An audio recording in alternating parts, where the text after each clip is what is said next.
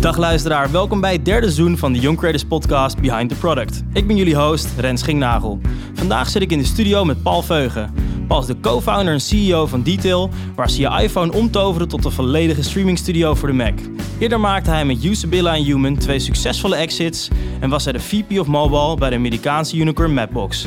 Laten we beginnen. Welkom Paul.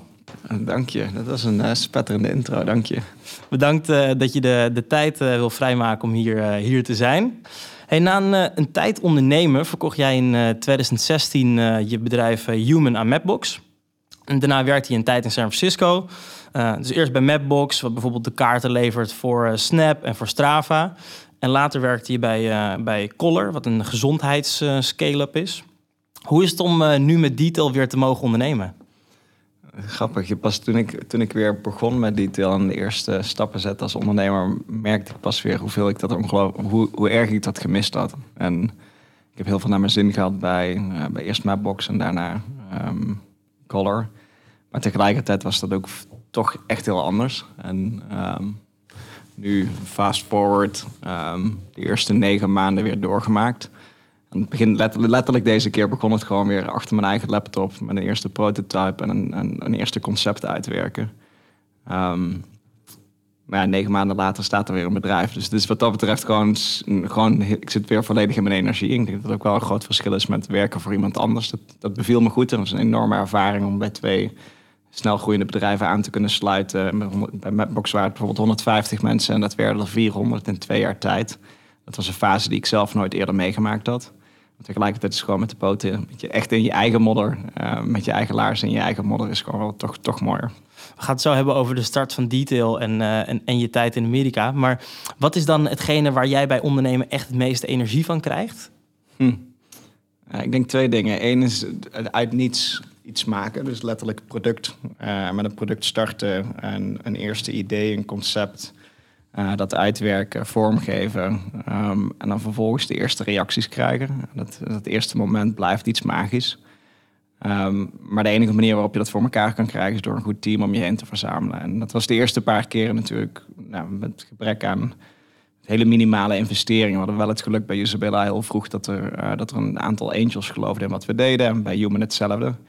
Um, maar de investeringen die we destijds hadden, of het geld wat we konden gebruiken om iets te bouwen, was natuurlijk heel minimaal. Dus nog meer gefocust op die één of twee personen met wie je dat samen kon doen. En deze keer, nu de derde keer, heb je ook een bepaald beeld over hoe het, hoe het ultieme team eruit ziet. En als je dat voor elkaar krijgt en dat team kan bouwen en dat vorm kan geven en samen eigenlijk een soort van het team functioneel kan krijgen, wordt het nog leuker. Want dan kun je ook sneller, nog sneller gaan executen. Dus het bouwen van het team en het bouwen van het product dus bouwen van je organisatie uit niets. Dus het begint letterlijk met de eerste persoon overtuigen van een, van een crazy idea. Um, dat zijn de dingen waar ik in ieder geval nu weer enorm van geniet. Kan ik me voorstellen, is echt het, uh, het ultieme spel. Voordat we gaan beginnen met het, uh, het grote interview, heb ik uh, eerst iets dat heet de Rapid Fire Questions, waarbij we lekker een beetje op kunnen warmen. Ben jij, ben jij er klaar voor? Ik ben er klaar voor, ja. Alright, dan gaan we van start. Mac of Windows? Mac. Maker of manager? Maker. Muziek of stilte? Muziek. Lezen, films of gamen? Oeh, lezen. Facebook, Amazon, Apple of Google? Apple. Jeff Bezos of Elon Musk? Jeff Bezos. Bill Gates of Steve Jobs? Bill Gates. Discipline of motivatie? Jesus. Um, discipline. Remote werken of op kantoor werken? Remote. Introvert of extravert? Introvert. Idealist of pragmatist? Ja, nee. um, pragmatist. Denken of doen? Doen. Kijk, perfecte timing. Phew. Interessant. Wat ik heel grappig vind... Ben ik geslaagd? Je bent, ge je bent geslaagd. Nou, dat, dat, beoordelen de luisteraars. Um, je zei uh, eerder, je zei je bent een Mac-gebruiker, geen Windows. En toen vroeg ik Bill Gates of Steve Jobs. En toen ging je toch voor Bill Gates. Wat, is de, wat vind jij zo interessant aan Bill Gates? Ja, ik heb sowieso een beetje moeite met het soort van overheerlijke van... Er zijn, er zijn bepaalde soort van tech-status-iconen bijna. En sowieso is een random pick. Maar ik, ik zou deze uh, op perceived personality... dus als buitenstaander, als je naar beide kijkt... dan denk ik dat um, de stijl van Bill Gates... Um, beter aansluit bij hoe ik persoonlijk zeg maar, naar mensen en, en de wereld zou kijken. Ik denk dat ik ook voor Bill Gates zou gaan hoor. Maar uh, vind ik wel grappig. Ik denk dat iedereen verheerlijkt Steve Jobs altijd. En die heeft natuurlijk ook hele bijzondere dingen gedaan. Ja. Ja, en het is wel interessant om te zien dat, ze, dat ook zonder hem natuurlijk dat bedrijf nog steeds een soort van een cultuur die hij gecreëerd heeft en innovatiepower. En, en het, op een gegeven moment wordt het ook. Het is niet makkelijk om, om niet stil te blijven staan en, en niet voorbij gerend te worden in allerlei opzichten. Um, maar tegelijkertijd denk ik dat de manier waarop je dat doet natuurlijk ook belangrijk is. Dus um, ondanks dat ik met veel plezier bijvoorbeeld een biografie van Steve Jobs lees. Um, en ook met veel plezier de vroege producten die ze destijds met een team in de markt gezet hebben, uh, gebruikte.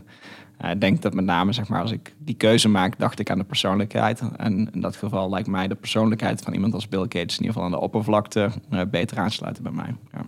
Tof. Um, en bij lezen, films of gamen, zei je lezen. Is er, is er een boek wat je laatst gelezen hebt, wat, uh, wat een impact op je maakte? Daarom moest ik te lang over nadenken over die vraag. Het is heel lang geleden dat ik, een dat ik fatsoenlijke tijd heb genomen om boeken te lezen. Um, ik heb ook twee kids thuis, dus dat is mijn excuus. Dat is natuurlijk nooit een excuus, maar het is wel... Ik bedoel, dit moment, en dit was films of boeken. Uh, als het Netflix of boeken was geweest, dan had ik waarschijnlijk Netflix gekozen. Oké, okay, dan maken we er Netflix of boeken de, van. De attentiespannen van, uh, van 40 minuten gaat er nog net in op dit moment. Ja. Dus uh, nee, ik, ik, ik, heb niet... Boeken is eigenlijk een mix, met name gewoon gerelateerd. Meestal als, je, als ik begin aan een boek, dan heb ik net na twee, drie hoofdstukken... Um, eigenlijk de soort van de crux ook wel gezien. Dus ik ben eigenlijk steeds meer dingen als podcast aan het luisteren... en dingen die ik iets makkelijker weg kan snacken. In plaats van dat ik heel specifiek een heel boek uh, op dit moment doorworstel. Ondanks dat ik eigenlijk een lezer ben. Maar... Alright. Ja, we hadden het er net al even over. Maar je bent uh, de CEO en oprichter van, uh, van Detail. Um, wat is Detail? Oeh, goeie vraag. Het is mijn elevator pitch. Um, met Detail maken we het makkelijker om hoge kwaliteit video te produceren en te streamen. Um, met het idee dat het nog steeds extreem lastig is om van middelmatige webcam kwaliteit te gaan. Stel dat jij een presentatie moet geven of een yoga sessie wil streamen of bijvoorbeeld deze podcast op wil nemen. Um, dan is je, nou je kan dat makkelijk, je kan dat relatief eenvoudig doen met een webcam of met Zoom of met het opnemen met je telefoon. Maar om dan vervolgens daar ook een goede productie van te maken is een stuk lastiger. Dus stel dat je het hebt over een podcast, dan heb je meestal bijvoorbeeld twee camera's. Eentje op jouw gezicht, eentje op mijn gezicht. Mijn gezicht. Uh, en dat dat neem je op, stream je misschien live. Uh, en wil je de afloop ook op een bewerkte manier weer um, uh, delen met anderen. Dus wat we met Detail willen doen is makkelijker maken om jouw verhaal te vertellen. Ze maken het makkelijker voor een yoga-instructrice om bijvoorbeeld haar yoga-sessie te streamen, om die yoga-sessie op te nemen. Um, we voegen nieuwe functionaliteit toe in je camera, waardoor het eigenlijk lijkt alsof er een crew achter de schermen um, de productie doet. Alsof er een cameraman met je of cameravrouw met je meeloopt. Um, automatisch wisselen tussen verschillende camera-angles. Uh, net als dat jij hier je jingles gebruikt uh, in de podcast. Uh, soortgelijke schermen maken wij, transities maken wij voor je camera. En dat gebeurt allemaal automatisch, dus beetje bij beetje. We beginnen met een hele eenvoudige camera. Dus je telefoon als webcam voor je Mac.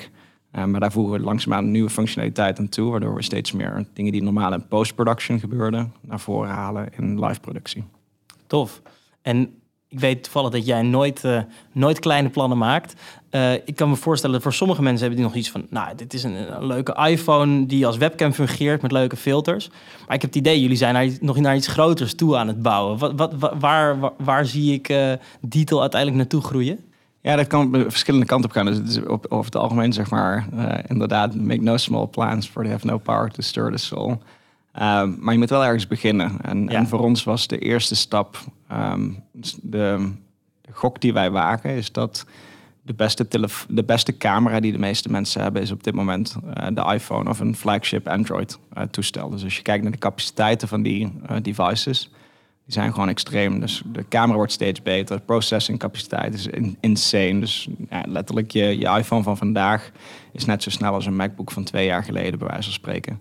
Dat betekent dus dat je een heleboel, het fotografie en video steeds minder gaat om uh, het glas, dus de lens, en, en steeds minder gaat om wat er, het licht wat letterlijk op die lens schijnt, uh, maar steeds meer eigenlijk gewoon on-the-fly berekeningen. Dus als je denkt aan portrait mode op je iPhone bijvoorbeeld, um, dus dat is de achtergrondblur. Dus als je de portrait mode op je iPhone als camera gebruikt, dan zie je de achtergrond licht geblurred.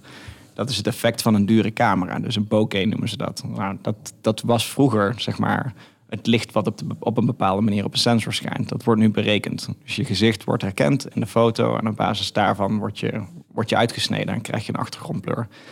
Dat soort effecten kun je extreem goed doen nu on the fly, ook op je telefoon of op je MacBook.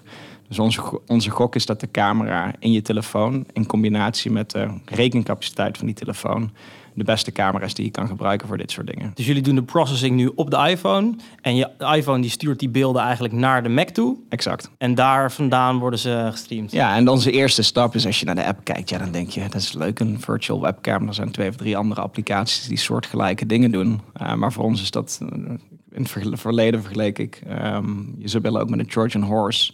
Dus wat is eigenlijk het, de, de eerste stap die je kan zetten waarmee je toegang krijgt tot een groeiende groep gebruikers, uit kan leggen waar je naartoe wil. Uh, en daar vervolgens zeg maar, op voort kan borduren. Voor ons is, als jij je, onze webcam gebruikt als je camera, dan heb ik toegang tot de videostream. En op dat moment kan ik daar langzaam magie aan toe gaan voegen. En dat betekent dus dat voor ons zeg maar, die virtual webcam echt het eerste soort van de eerste wedge in een, in een nieuwe markt is. Exact, ja, precies.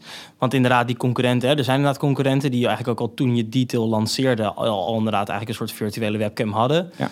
En jij zag eigenlijk van, oké, dit is een mooie entry point om die, die creatormarkt aan te gaan. Ja, en het is een echt een foundation waar je op gaat voortbeduren. Ik ben ook helemaal niet gehecht aan het idee van een virtual webcam. En eigenlijk als je erover nadenkt, wat wij nu doen, is je gebruikt je telefoon als webcam voor je Mac. Om dat te kunnen doen, moet je een applicatie installeren op je Mac. En dan vervolgens maak je daar, zie je die, die applicatie als een camera op je MacBook. Dus je kan in één keer een zoom detail als camera selecteren. Het is natuurlijk best een lastig ding om uit te leggen. Dat is niet alleen al terwijl ik het hier uitleg, denk van zou, mensen begrijpen wat ik nou eigenlijk bedoel.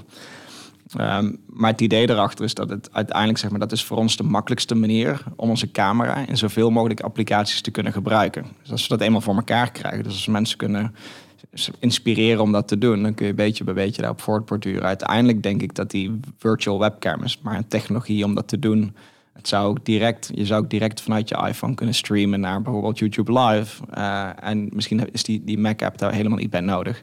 Maar we hebben wel een soort van een testbed nodig om, om te starten. En dat was voor ons dit. Kan je nog het moment herinneren dat jij dacht, detail, dat ga ik doen. Dit is, dit is mijn, nieuwe, mijn nieuwe project. Hoe, hoe, hoe verliep dat? Ja, goede vraag. Die vraag kreeg ik ook. Ten eerste is waarom zou ik het nog, zou ik nog een keer iets starten? Ja, exact. Kreeg ik ook wel. Die had, die had ik ook staan um, origineel. Um, ik was op een gegeven moment, zeg maar, letterlijk, een heel corny verhaal, maar het is soort van, ik, ik wist dat van tevoren dat ik um, een nieuw bedrijf ging starten. Dus ik had, toen ik, toen ik uh, verhuisde, terug verhuisde naar Nederland, op een gegeven moment mijn eigen plekje uh, in het richten was, mijn bureau thuis uh, inrichten en toen wist ik ook dat ik um, 90% van mijn tijd zou videobellen met collega's. Dus ik had al heel snel zeg maar, DSLR, dus een, een camera op mijn bureau gezet. Uh, die aangesloten aan mijn computer, zodat ik die als webcam kon gebruiken. Want als je goede kwaliteit video hebt, als je veel video belt en als je veel met mensen communiceert, hoe beter, hoe scherper de video is, hoe makkelijker je kan communiceren. Dus niks is zo vervelend als een heel erg slechte verbinding of een heel erg slechte audio of een hele slechte beeldkwaliteit. Dus ik heb daar iets in geïnvesteerd en nou, op een gegeven moment stond mijn hele bureau vol met apparatuur. Uh, en vroegen mensen of ik, uh, of ik nu ook een podcast ging, uh, begonnen was of dat ik ging vloggen, omdat het gewoon letterlijk gewoon vol stond op mijn bureau. En tegelijkertijd kwam ik erachter dat het gewoon heel ingewikkeld is om van middelmatige kwaliteit naar goede kwaliteit te gaan. Nou, fast forward, lockdown, COVID. Um, en op een gegeven moment, dus een goede vriendin van, van mijn vrouw deed doet corporate yoga sessies. En dat betekent dus dat haar business in plaats van dat ze op kantoor een yoga sessie zat, gaf, in één keer plaats moest vinden online. Nou, probeer maar eens een yoga sessie te doen uh, voor een middelmatige hele. De, webcam in een, in een Mac is gewoon extreem slecht. Maar als je yoga sessie wil organiseren, wil je wel naar de gasten kijken. Dus je wil zien wat de hoe de oefeningen uitgevoerd worden. Dus het apparaat wat iemand gebruikt die minder tech-savvy is, is, is een laptop. En dan vervolgens kijk je naar de hele slechte kwaliteit van die camera. En als je dat wil verbeteren, dan moet je al een PhD bijna hebben in, in, in video-equipment. Dus dan moet je al interesse hebben in camera's. Moet je al snappen wat een capture card is. En dat sluit je vervolgens aan en dan zit er een vertraging in het beeld. En dan heb je andere software nodig om te realiseren. Die shit is gewoon super ingewikkeld. Dus toen ik dat zag en die twee dingen bij elkaar, had ik al heel snel zoiets van ja, videotechnologie op dit moment lijkt een commodity. Dus er is een nieuwe laag van producten ontstaan. De infrastructuur voor Zoom tien jaar geleden was een enorme lift. Dus dat was wat, wat, wat Zoom nu doet. Dat lijkt heel vanzelfsprekend. Je klikt op een link en je opent het en het werkt 90, 95% van de tijd of 99,9% van de tijd. Maar tegelijkertijd, nu tien jaar later, is dat een commodity geworden. Dus je kan daarop voortborduren. Dus er zijn heel veel verschillende platforms voor online video. En video is überhaupt heel erg groeiend. Maar de daadwerkelijke tools en equipment om video te maken is nog steeds heel erg minimaal. We kijken eigenlijk nog steeds naar als je, als je video wil editen of wil bewerken, dan heb je Adobe, wat een 20 jaar oud bedrijf is met Adobe Premiere. En dan open je de software voor de eerste keer en denk je, wat de fuck moet ik hier nou mee? Dus het is, er, zijn wel wat initiatieven van online editors en andere toolkit. Maar tegelijkertijd is je iPhone enorm capable geworden. Je camera's zijn verbeterd. Het is makkelijker. Er, zijn, wordt zoveel meer video geproduceerd dan dat er in het verleden gedaan wordt. En steeds meer door steeds meer mensen. Dus video in dat opzicht is veel meer gedemocratized. Dus het is toegankelijk geworden door veel mensen. En het is ook aangejaagd door social media dat we steeds, steeds meer video maken. Nou, als, je, als je dan kijkt naar de toolkit, de situatie van livestreamen en, en die dingen bij elkaar brengt, dat is waarom ik op een gegeven moment dacht van, oh fuck, dit is, dit is waar ik, hier ben ik echt, ik raak weer obsessief over deze industrie, over deze markt. Ik investeerde al heel veel in die hoek. Um, en, en toen wist ik op een gegeven moment, toen ik prototype, de eerste prototypes ging bouwen um, voor, uh, voor een camera, toen dacht ik, ja fuck, hier zit iets. Ik, dit voelt gewoon goed. Um, en dat is niet echt één moment, maar dat was ongeveer een jaar geleden nu. En dat prototype doe je dan helemaal zelf? Dan zit jij zelf gewoon lekker achter je Macje? Zit jij nou ja, dat is eigenlijk misschien ook wel een heel bewust moment voor mij weer. Nadat ik dus drie jaar gewerkt heb bij andere bedrijven en in, in managementfuncties uh, opereerde, was het ook wel een soort van, ik denk als ik, ik wilde eerst dat ik echt een hard break. Dus ik wilde heel lang gewoon een aantal maanden in ieder geval niks doen. Dus ik had gewoon 13 jaar lang aangestaan. En eigenlijk ook geen enkele break genomen tussen al die verschillende, dus tussen die verschillende stappen die ik had, uh, had gedaan. Dus tussen de twee bedrijven en daarna direct door. Dus ik werkte al bij Mapbox. Toen, toen Human overgenomen werd door Mapbox, werkte ik al bij Mapbox nog voordat de deal officieel geclosed was. Dus ik was al in dienst. Aan de ene kant was ik aan het onderhandelen over de deal terms. En aan de andere kant um, was ik al een team aan het bouwen. Dus dat is voor mij heel belangrijk om een tijd ook gewoon even niks te doen. En ik had voor mezelf voorgenomen om, om een hobby te zoeken als ik dat zou doen. Want anders ken ik mezelf en dan begin ik gelijk weer. En die hobby was voor mij video editen.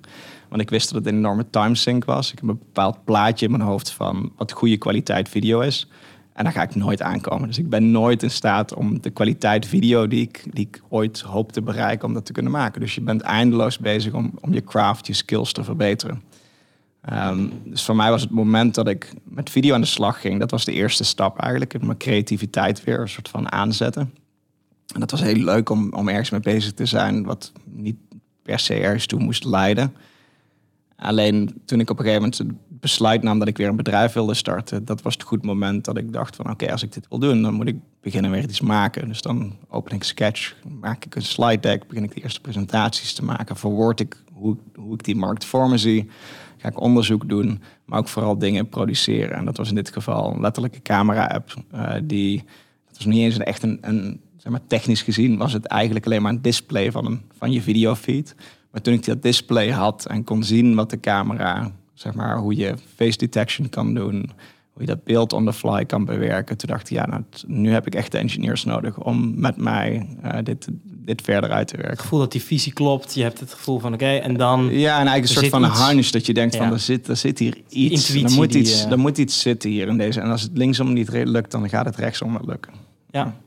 Ja, gaaf. Ik vind het leuk altijd om te horen hoe dat soort dingetjes bij mensen beginnen. Het is inderdaad echt toch een soort. En het is ook lastig om daar een heel specifiek punt aan te wijzen. Dus en, je kan, eh, en je kan alles wel ook met data willen doen, maar soms werkt dat in het begin ook nog even niet. Dan, hè, het is... Ja, en ik denk dat het ook wel is. Ik, ik, ik grap wel eens. Veel mensen zijn heel erg gefocust op MVP's en het framework tot, tot innovatie. En, en, en dat is een hele blijkbaar, ook als je puur naar de statistieken kijkt, is dat volgens mij een heel erg safe bet. Ehm, maar ik ben zelf iets minder geïnteresseerd in die safe bets. Dus ik, ik durf ook best ehm, gewoon op basis van, van gut feeling een bepaalde hoek op te duwen. En dan te kijken of het werkt. En pas, pas na een grote investering te zien of het werkt of niet.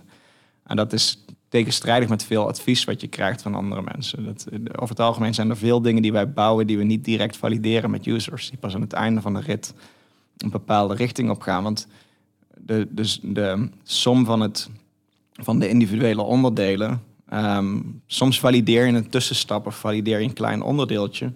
En dan kun je misschien al een idee of een richting afschieten. En denk je, ja, dit werkte niet. Ik heb het geprobeerd, ik heb dit gevalideerd, ik heb MVP gebouwd en de MVP werkte niet. Maar in mijn ervaring met de dingen die ik gemaakt heb, zijn juist die eerste stappen. Ja, dat vaak weet je nog helemaal niks. Het gaat veel meer om een soort van visie en een richting en een positionering. En, en misschien klikt dat pas 10 of 15 stappen later. En dan was die ene feature die je bouwde, die je dacht te valideren, uh, blijkt dan toch de killer feature te zijn along the way. En dus ik, ik ben iets minder systematisch in de, in de executie daarvan, denk ik.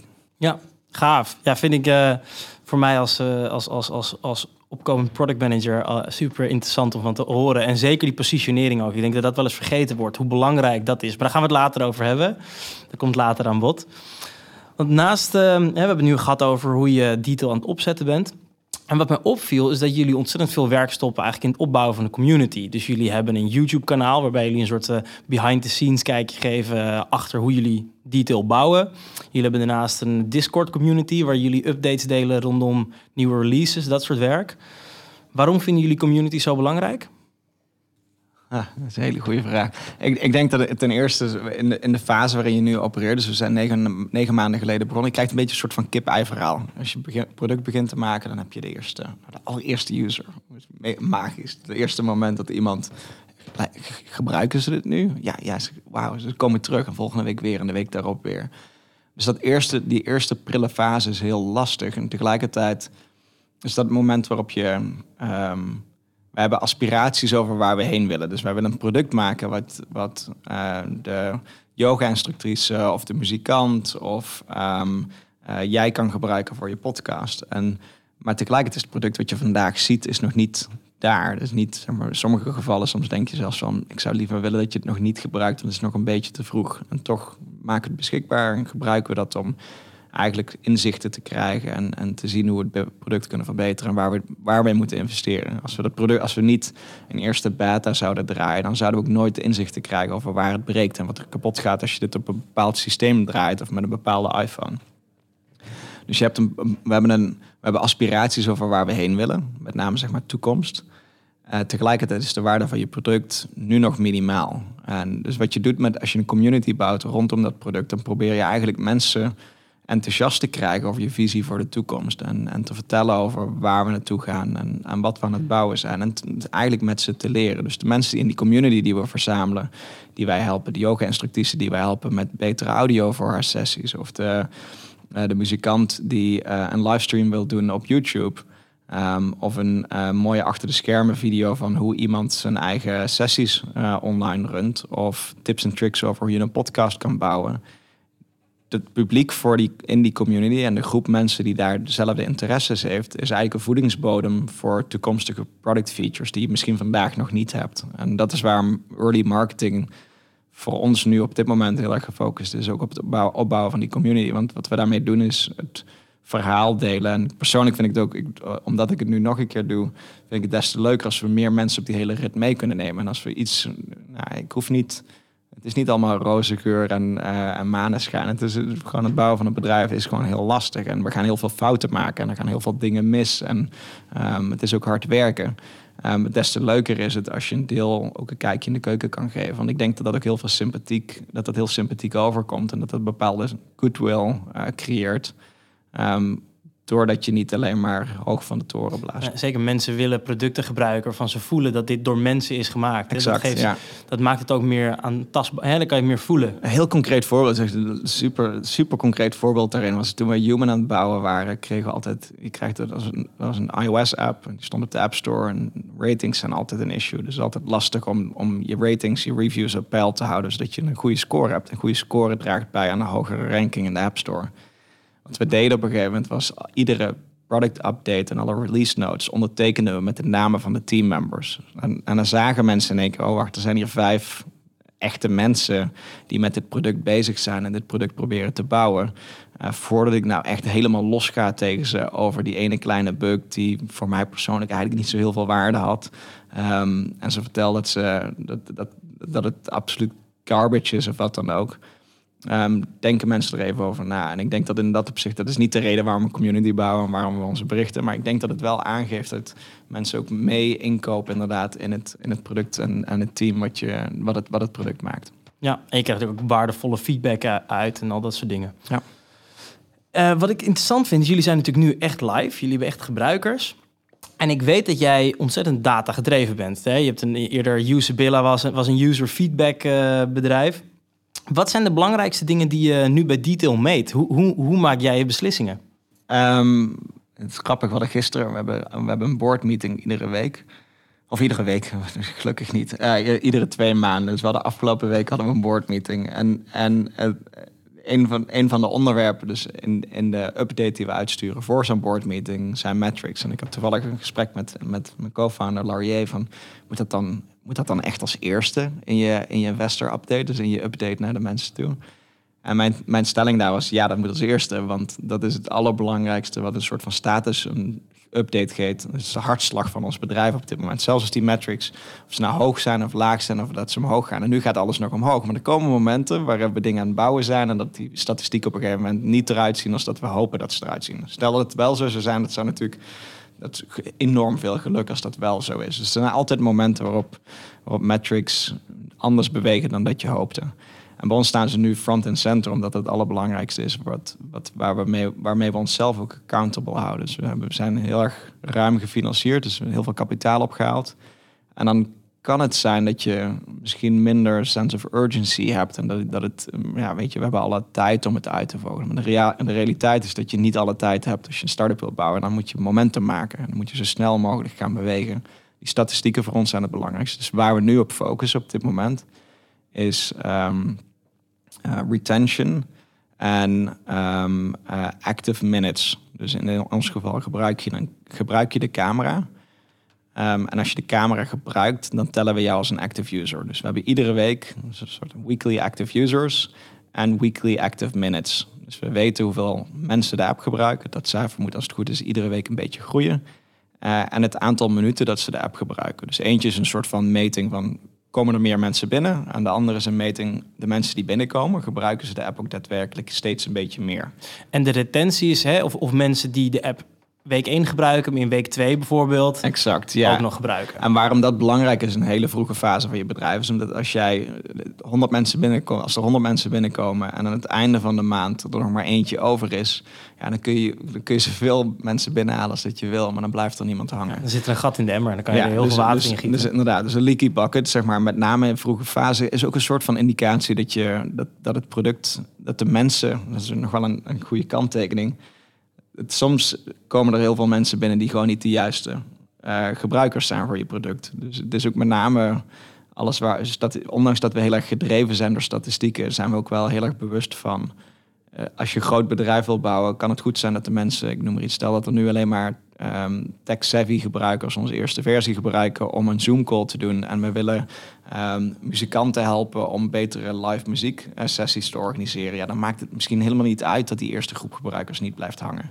Dus, dus als je naar je statistieken kijkt, kijk ik tegelijkertijd kijk ik ook heel breed naar van wat is nou, waar, waar willen we naartoe bewegen? En, en meten, we het, meten we de juiste groep mensen. Ja, je moet, je moet altijd ook in zijn context plaatsen en eigenlijk ook de kwalitatieve data meenemen, ook met je gebruikers praten. Super interessant. Um, en uh, in augustus uh, namen jullie je eerste product manager aan bij Detail. Ik denk dat klassiek gezien jouw rol binnen Detail ook op product zit uh, als, als, CEO. Ja, Erg belangrijk. Met hoeveel man waren jullie in totaal toen je zoiets had? Toen we de eerste product manager aannamen. Oeh, um, nou ja, die, hij, hij, is deze week begonnen. Um, en dat was nummer 12. Um, en, maar tegelijkertijd in een cohort van nieuwe mensen. Ze zijn in totaal nu met 15. Uh, maar ongeveer zo rond de tien. En we hadden daar ook op een gegeven moment gesprekken over van wat is nou het goede moment om die, om die PM aan te nemen, dus product manager. En in eerste instantie was ik een beetje terughoudend, omdat ik het gevoel heb dat niet zozeer omdat ik niet mijn uh, Lego weg wil geven, um, maar omdat ik wel wil voorkomen dat product iets wordt wat één persoon in een team is. En ik denk met name vroege fase is het extreem belangrijk dat iedereen product leeft. Dus we zijn ook op zoek gegaan naar iemand die daar heel erg gelijk, een soort van soortgelijk, soortgelijke ideeën over had. En iemand die niet zozeer het gevoel heeft dat zij of hij top-down het product gaat managen. Um, maar iemand die juist de beste ideeën uit de groep kan halen. En die um, eigenlijk alleen maar gefocust is op het delen van creëren van gedeelde context. En, en dus het team meer samensmelt en dat op zich dan, dan een meer traditionele productachtige, de echte managementkant van, van de product management rol vervult. Ja, en, en wat, wat is dan de reden dat dit het moment was? Dat je nu zoiets had van, nou, nu is het echt tijd? Gewoon dat op een gegeven moment het bedrijf te groot wordt en, en, en jij je ook op de andere dingen moet focussen? Nou, er zijn de twee redenen. Eén is dat je, je voelt op een gegeven moment, op een bepaald moment, dat, dat dingen gaan breken. En je, je weet ook dat het gaat breken als het nu nog niet breekt. Dus enerzijds wist ik dat als we nog meer engineers toe zouden voegen en, en extra zouden investeren in product design, dat de coördinatie tussen die teammembers uh, op de schouders komt van individuen binnen die teams. En dat dat dus extra overhead wordt voor, voor die mensen.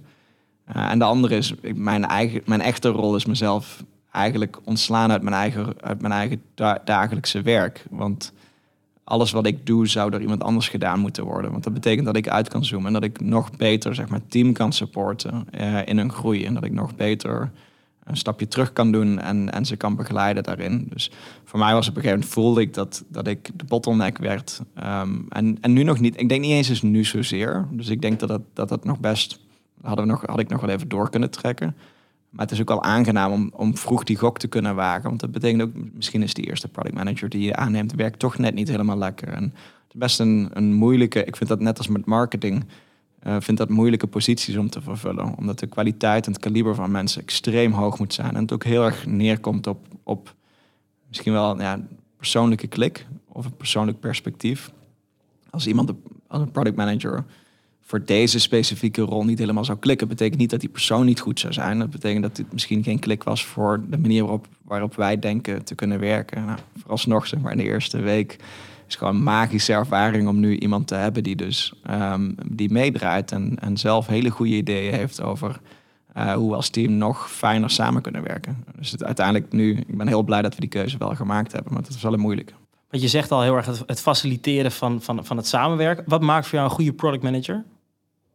Ja. Geen één ding natuurlijk, maar... Ja, ik denk dat het iemand is die, die um, echt shared context kan, uh, kan bieden voor een team. Um, en, en misschien is een soort van vuistregel wel dat een goede product manager zorgt, zorgt ervoor dat als zij of hij de ruimte uitloopt, dat mensen meer ideeën hebben en meer energie dan dat ze hadden voordat ze uh, binnenkwamen. En, en dat klinkt heel soort van, ja, tuurlijk solliciteer je, vraag je om goede input en goede ideeën. Maar je hebt ook mensen die op de een of andere manier, ondanks dat ze zich daar, daar zijn ze zich niet van bewust, maar die goede ideeën uit de ruimte zeg maar, duwen. Dus dat, dat er geen zuurstof is voor goede ideeën in, in die ruimte. En Waarschijnlijk mensen die meer praten dan vragen stellen. Dat zou kunnen, ja. Of, of een bepaald, het kan ook een bepaalde stijl zijn. Dus dat jij misschien te dominant bent in, in, in een sessie. Of misschien dat je zo extreem intelligent bent of zo extreem intelligent overkomt dat andere mensen niet eens meer weten wat ze. Ik durf, ik durf je niks. Die,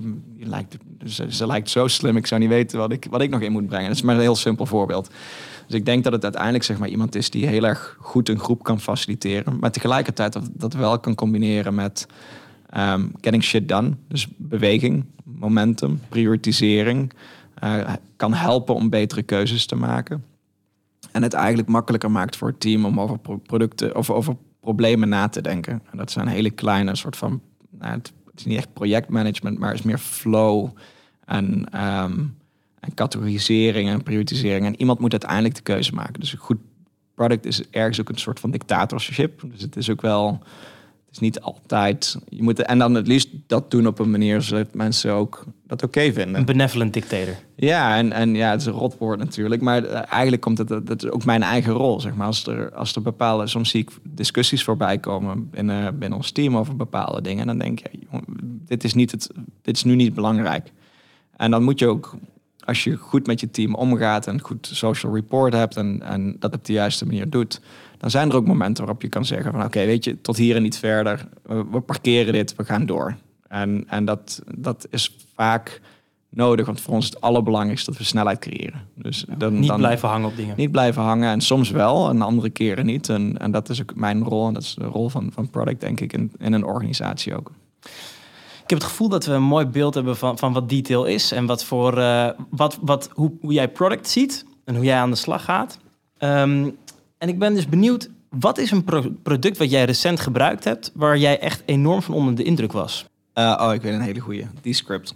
Descript. Descript is een eh, online, ehm, in eerste instantie podcast editor.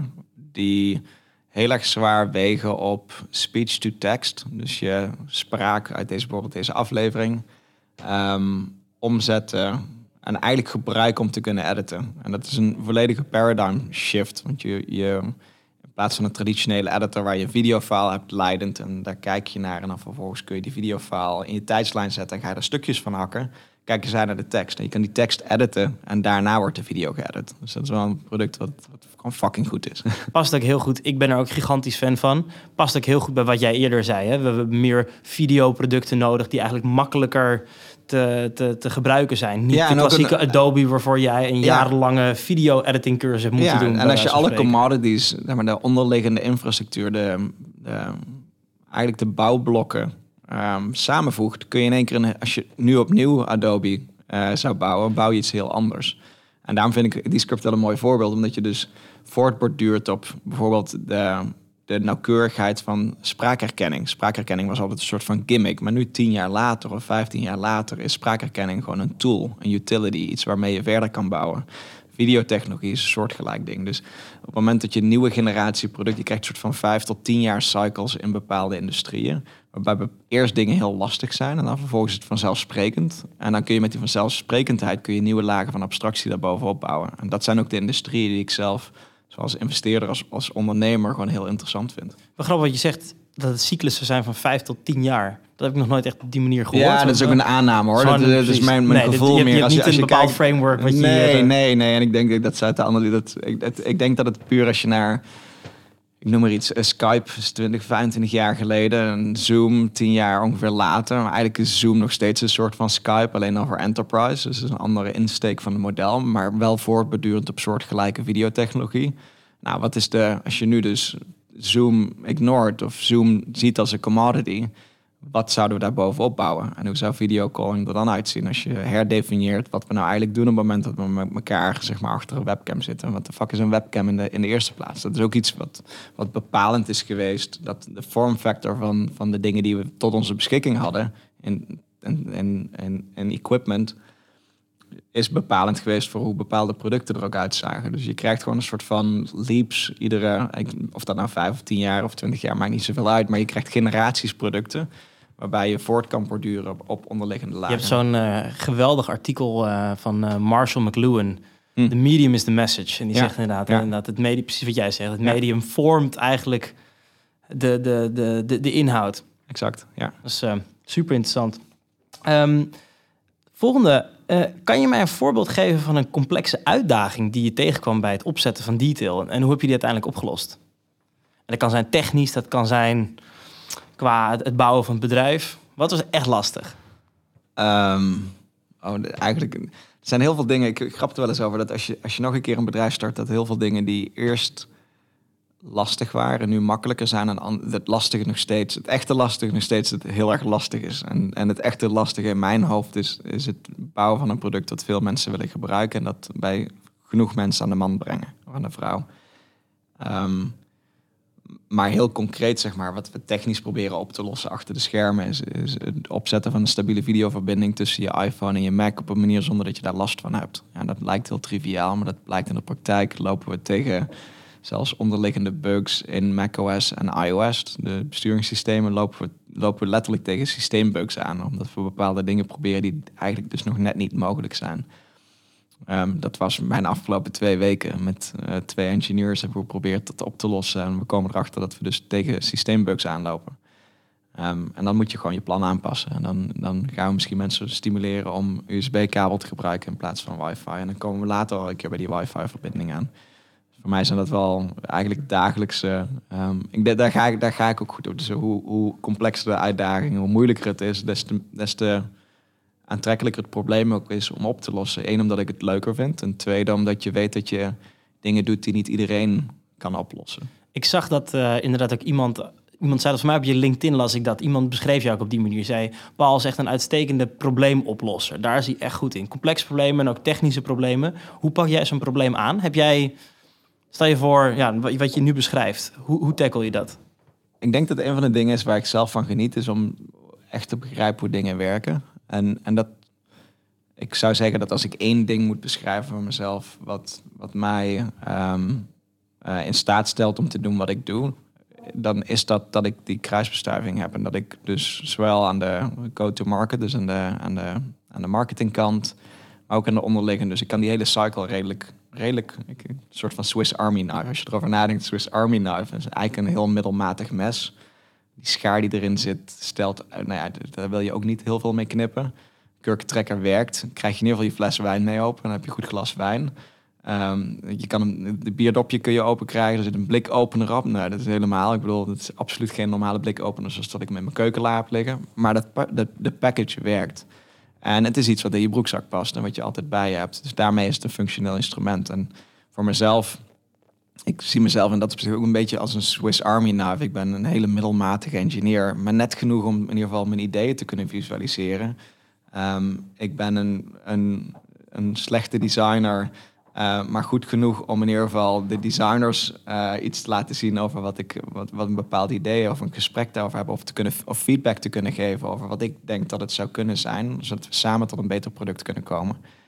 Maar al die cycles bij elkaar maakt het makkelijker om het probleem goed te doorgronden. Dat betekent dus ook dat als we het bijvoorbeeld over een technisch probleem hebben, en ik tegelijkertijd dat cycle door kan denken tot de eindgebruiker, dan kun je ook iets makkelijker beslissing maken of de technische investering die je doet het daadwerkelijk waard is. En aan de andere kant, als je nadenkt over bepaalde ehm, problemen die je probeert op te lossen vanuit user-perspectief, is het fijn om te weten hoe, wat er technisch mogelijk is en welke soort van onderliggende tools je kan gebruiken. En dat, dat is voor mij, zeg maar, als je denkt over problemen oplossen.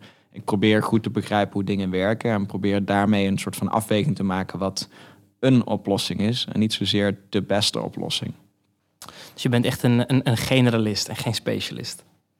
ja, ja, en ik, dat denk ik wel. Ja, ja, hoewel ik misschien soms, als je andere mensen zou vragen, ook wel heel erg obsessief kan zijn met, met één specifiek ding. En dat ik daar ook me volledig in vast kan bijten. En mensen denken dan alsof, alsof ik daar bij spreken al een hele tijd mee bezig ben. Maar dan heb ik me daar gewoon, dan is dat, dan is dat mijn, volgende, mijn volgende probleem. En dan bijt ik me daar vast en dan laat ik ook niet meer los. Super interessant. Leuk, leuk om te horen hoe je door die cyclus heen gaat. En ik, kan me ook heel erg herkennen in precies wat jij beschrijft. Ik ben ook een matige programmeur, matige designer, maar wel in die zin misschien ik een standaard. dat ze dat product noemden. Een standaard product manager, ja. ja. Super interessant. Ja, je, hebt, uh, je bent ooit begonnen met studeren op de Universiteit van Tilburg. Daar heb je een bachelor Communication, Media en Cognitive Science gedaan. Je bent een tijdje wedstrijdroeier geweest daar. Je hebt uh, al tijdens je studie het user feedback platform Usabilla opgezet. Wat later is overgekocht door SurveyMonkey. Um, je hebt een van de eerste iPhone stappentellers opgericht, genaamd Human. Dat is verkocht aan uh, Mapbox, een gigantisch Amerikaans kaartenbedrijf. Daarna ben je daar eh, VP of Mobile geworden. Op een gegeven moment VP of Product Marketing. Um, daarna ben je bij uh, Color Genomics aan de slag gegaan. Daar heb je product en go-to-market gedaan. En uiteindelijk zijn we hier oprichter en CEO van Detail en, uh, en investeerder bij MP uh, Hard Ventures. Als je het zo opnoemt, klink ik in één keer heel oud. ja, of je bent gewoon heel druk bezig geweest. Ja, ik denk het. Eén van beide. Precies we hadden het er al even over, maar het is een flinke carrière. Hoe zou, zou jij jezelf nu omschrijven? Ben jij een... Um, goeie vraag. Ik noem me als, als ik mezelf... Is een beetje de, vraag, hoe, hoe zou je jezelf introduceren als je... Uh, of als iemand de vraag stelt, wat doe je bij een verjaardagsfeestje... waar niet alleen maar uh, tech-nerds zijn... Ehm, over het algemeen hou ik het dan bij ondernemer, ondernemer en investeerder. En investeerder vind ik zelf nog een, het is niet de, de eerste die ik zou noemen. Ehm, dat mensen ook een bepaald plaatje in hun hoofd hebben dan vaak. Uh, maar dat zijn wel de dingen die ik, waar, ik, waar ik nu dagelijks mee bezig ben en met heel veel plezier doe. Dus, en dan, soms hoor je wel eens een term serial entrepreneur of, of serieondernemer. Daar krijg ik echt daar krijg ik jeuk van. Want het is helemaal niet alsof ik ze een fast sequence gedaan heb of wat dan ook. Nee, dit is gewoon dit nu de derde bedrijf dat ik start is gewoon vol en dat hoop ik heel groot te maken. En ik hoop dat ik dat tientallen jaren kan doen en dat we naar de beurs kunnen brengen. En, en, en echt gewoon dat ik daar mee bezig kan blijven. Dus het is een serie ondernemer voelt dan heel snel een soort van. Het voelt alsof je ook met, met je huidige bedrijf bezig bent, maar eigenlijk ben je in je hoofd al. En ben je ben ik helemaal niet. Dat is gewoon, en dat was ik ook niet bij, bij uh, Human en dat was ik ook niet bij, bij Usabilla. Kan me voorstellen. Um, normaal gaan we bij de achtergrond over iemands hele achtergrond heen. Maar uh, nu, we hebben gewoon zoveel te bespreken in de podcast. De Creative Achievers podcast van Wouter Boon, daar ga je heel diep in op eigenlijk echt je achtergrond, usability, human. Dus eigenlijk voor de luisteraar die daar benieuwd naar zijn, ik zou aanraden om, uh, om die te luisteren. En dan ga ik gewoon even vooruit in de tijd. En waar, wat ik benieuwd naar was, um, jij bouwde Human uh, alweer negen jaar geleden. Um, hoe was het in die tijd om apps te bouwen? Want volgens mij was dat totaal anders dan nu. We hebben nu wat het over commoditization. Er zijn nu geweldig, geweldige tools voor developers, API's voor van alles. Ja, toevallig vandaag had ik met een andere ondernemer erover die bezig was met een testflight. Um, en testflight bestond toen niet. Dus een testflight is het beta-programma om je apps te kunnen testen voordat je ze in de App Store uh, zet. Dus dat was vroeger niet echt één uniforme manier om, om bijvoorbeeld je app te testen. En ik kan me ook nog herinneren dat wij ten eerste was toen we Human begonnen te bouwen was app development helemaal nieuw. Want ik kwam, toen we Usabilla maakten, dat was web-based. Dus dat, we hadden nog, ik had nog nooit een, als team hadden wij nog nooit een app gebouwd. Gelukkig hadden we wel een hele goede app developer. Die, die meer ervaring had dan wij. Maar toen we de eerste versie op de App Store zetten, uh, hadden we volgens mij binnen een aantal weken een anderhalve ster rating. En, en konden we eigenlijk, nou, daar moesten we van recoveren. Um, en dat was een combinatie van factoren. Dat was vroeg gelanceerd, maar dat is wel een hele andere tijdgeest. En ook de, de toolkit en, en de platform waar we voor ontwikkelden. Wat we wel heel vroeg al deden bij Human was mee ontwikkelen met het platform. Dus we kozen de features op onze roadmap ook deels uit omdat we wisten waar, de, waar het platform heen ging. En eigenlijk het hele idee van Human was hetzelfde. Dus wij, wij wisten dat de gok was dat tracking een commodity zou worden. Dus dat het steeds makkelijker zou worden, technologisch gezien om activiteit te meten. Dus als je daarvan uitgaat dat Apple of Google dat voor ons zouden doen, dan konden wij ons richten op de gameplay erbovenop. En dus dat je mee ontwikkelen met het platform was daar een heel belangrijk thema. En het was gewoon de, eerste iPhone waar we mee ontwikkelden was de iPhone 4 en 4S. En dan had één van ons had volgens mij een 5S op een gegeven moment ergens eh, nee, een jaar, twee, jaar anderhalf of jaar twee. En daar zat dan de eerste keer een stappenteller op we hadden niet het budget om meer van die toestellen te hebben. Dus moesten onderling uitwisselen en verschillende dingen proberen. En dat is nu wel echt heel anders als je de documentatie van Apple bekijkt, de API's waarmee je kan werken, eh, cross-platform development tussen macOS, iOS, iPadOS. Er zijn meer devices, maar het is tegelijkertijd ook makkelijker geworden om, om dingen te maken die goed werken tussen verschillende platforms. Um, dus dat hele ecosysteem is, is enorm uh, veranderd en dat creëert natuurlijk ook weer kansen voor ons. Ja, ja, het was het, heel anders. Inderdaad, de technologie was gewoon echt nog niet waar we, waar we nu zijn. En tegelijkertijd uiteindelijk was het, is het wel allemaal goed gelukt. Want jullie op een gegeven moment hebben jullie ook uh, een Apple Award gewonnen. Of een app, jullie zijn gefeatured door de App Store. En dat is natuurlijk een geweldige ervaring. Maar ik, kan ik heb ergens gelezen dat, dat je daar niet alleen maar terugkijkend, niet alleen maar blij mee was. Met die award? Ja.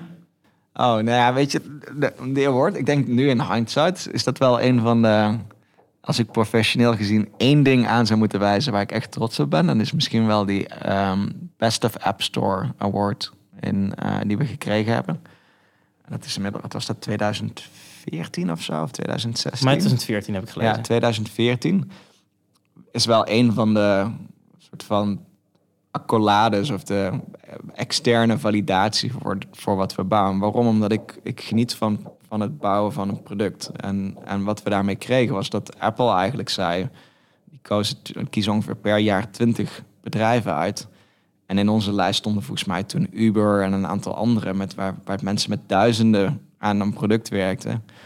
Ehm, en wij werden gekozen als Best of App Store 2014 als een van die 20 bedrijven. Van alle applicaties op de App Store werden wij gekozen. En ik kan me nog helemaal herinneren dat ik ik werd wakker. Ehm, ik was op dat moment in San Francisco voor een, voor een trip. En ik werd wakker en ik, uh, ik nam dan, als ik daarheen ging, nam ik vaak mijn fiets mee, zodat ik uh, daar kon fietsen en wat, wat mensen kon, kon ontmoeten. En dus ik had afgesproken om om half zes bij de brug, bij San Francisco Golden Gate brug, had ik, moest ik zijn.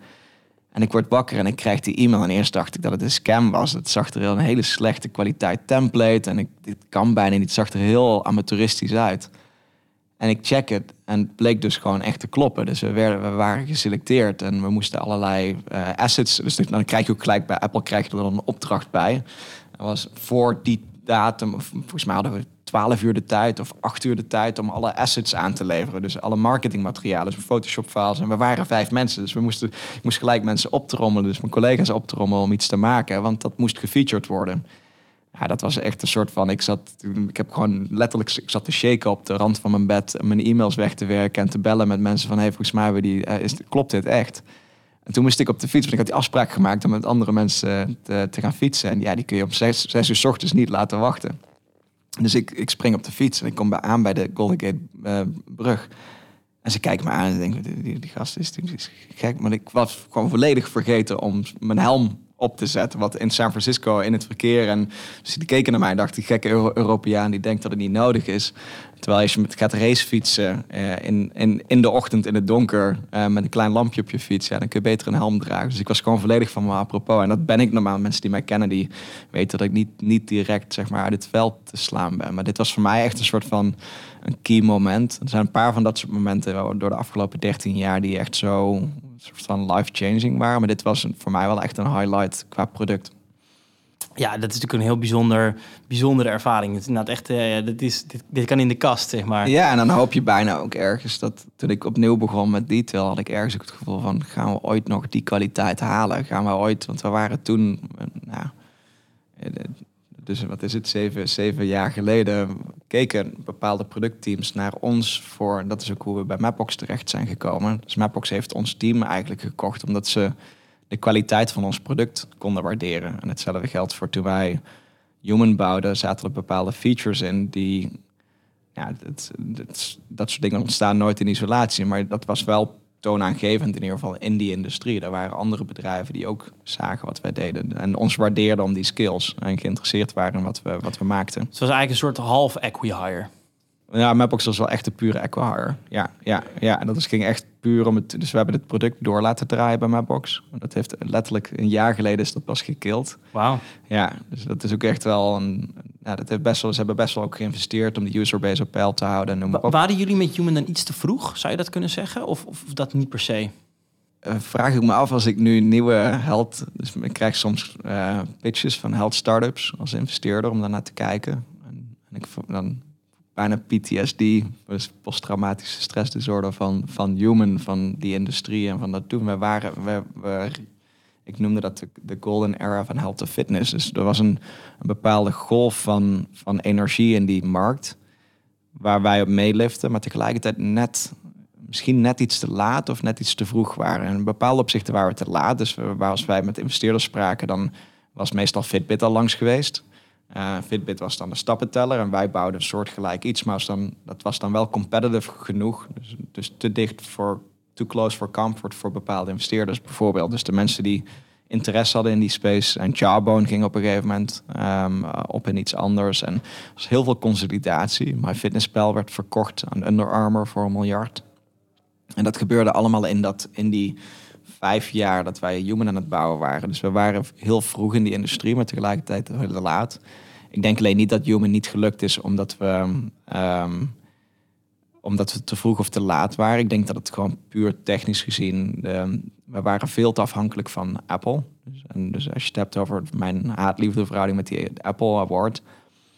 Toen we wakker werden, toen dus een, paar dagen later we dus gementiond werden door Apple en, en we in één klap zeg maar, op de homepage stonden, kregen we wat, volgens mij 100.000 bezoekers of 50.000 bezoekers in een paar uur tijd. Ja, daarna zijn al die statistieken natuurlijk vertekend. En we waren heel erg afhankelijk van onze relatie met Apple, omdat we dus, nou, wat we bouwden vonden zij ook interessant en paste bij de devices en paste bij de API's die die ze jou wilden laten gebruiken. Maar tegelijkertijd ehm, hadden we niet onze eigen groeimechanismes. Het was heel lastig om eigen acquisitie te doen. We, zaten, we hadden een product gemaakt wat zo simpel was... dat alles wat we eraan toevoegden eigenlijk last, het lastiger maakte... en ook niet daadwerkelijk heel veel waarde toevoegde. Dus in hindsight zijn er heel veel dingen die we anders hadden kunnen doen. Maar ik weet niet of dat het bedrijf had gered. Ik denk dat monetization is een andere. We waren heel laat met het implementeren van in-app purchases. To our defense, in die tijd was in-app purchases niet echt een ding. Dat werd geïntroduceerd terwijl we human aan het bouwen waren. En nu zie je heel veel hele gezonde uh, subscription businesses in de health en fitness space. Ik noem er iets Commode. Uh, heel belangrijk deel zelf gegroeid en bijna gebootstrapped. En, en gewoon succesvolle, goede businesses gebouwd. En zo heb je een aantal van dat soort industrieën die het, het goed gedaan hebben. Ja, en het, natuurlijk in, in retrospect ook altijd makkelijk Altijd Dus makkelijk, als je ja. er, Nou ja, als je erin de- zit, het is een, een rivier die voorbij klatst gewoon. Exact. En, en tegelijkertijd, ik bedoel, ik, ik zou Human ook zeker niet als een failure eh, bestempelen. Want nou, uiteindelijk, zeg maar, ehm, zijn wij terechtgekomen waar we terecht zijn gekomen. Eh, hebben we bij Mapbox ehm, hele mooie dingen kunnen doen. Hebben de investeerders zijn allemaal tevreden over de uitkomsten. Ehm, dus ja, als dat de, de tweede, dat, uiteindelijk ben ik er heel, ook heel dik tevreden. Ik kijk daar met veel plezier ook naar terug. En, en ik ben ook heel trots voor, voor wat we gemaakt hebben. Niet alleen ehm, financieel gezien, want ik vind dat vind ik misschien nog helemaal niet, ook niet helemaal belangrijk. Ehm, behalve dan voor de investeerders. Maar voor mezelf vond ik dat absoluut niet belangrijk. Ehm, daar ben ik ook niet voor gaan ondernemen. Maar met name zeg maar, de skills, de kennis, de ervaring en hoe wij een hele markt en een heel product vooruit hebben geduwd. We hebben daar gewoon het feit dat je mee kan spelen eh, in de top van, van, van, app, eh, van apps, vond ik gewoon geniet ik nog steeds. Dat hoop ik met detail weer te kunnen doen. Nou, laten, we het, eh, laten we het hopen. Ik heb, er, ik heb er alle vertrouwen in. Wat ik eh, interessant vind, is jij bent op een gegeven moment bij Mapbox, je bent binnengekomen als eh, VP of Mobile. Op een gegeven moment ben je daar VP of Product Marketing geworden. En bij, bij Collar ben je naast product ook go-to-market gaan doen. Wat is voor jou die, die, die overstap geweest van, van echt klassieke productman naar marketing ook interessant vinden? Of, ja, hoe Ja, dat? goede vraag. Uiteindelijk natuurlijk, ik kan me herinneren dat ik bij Mapbox ehm, kwamen we binnen en hoe dat zo'n aquahire gaat, is dat je een team moet soort van interviewen. Dus denk je voor een soort van een snelkookpan van job interviews. En dat was dan in ons geval net iets, net iets anders georganiseerd, maar we gingen met teams samenwerken, maakten kennis, iedereen werd geïntroduceerd.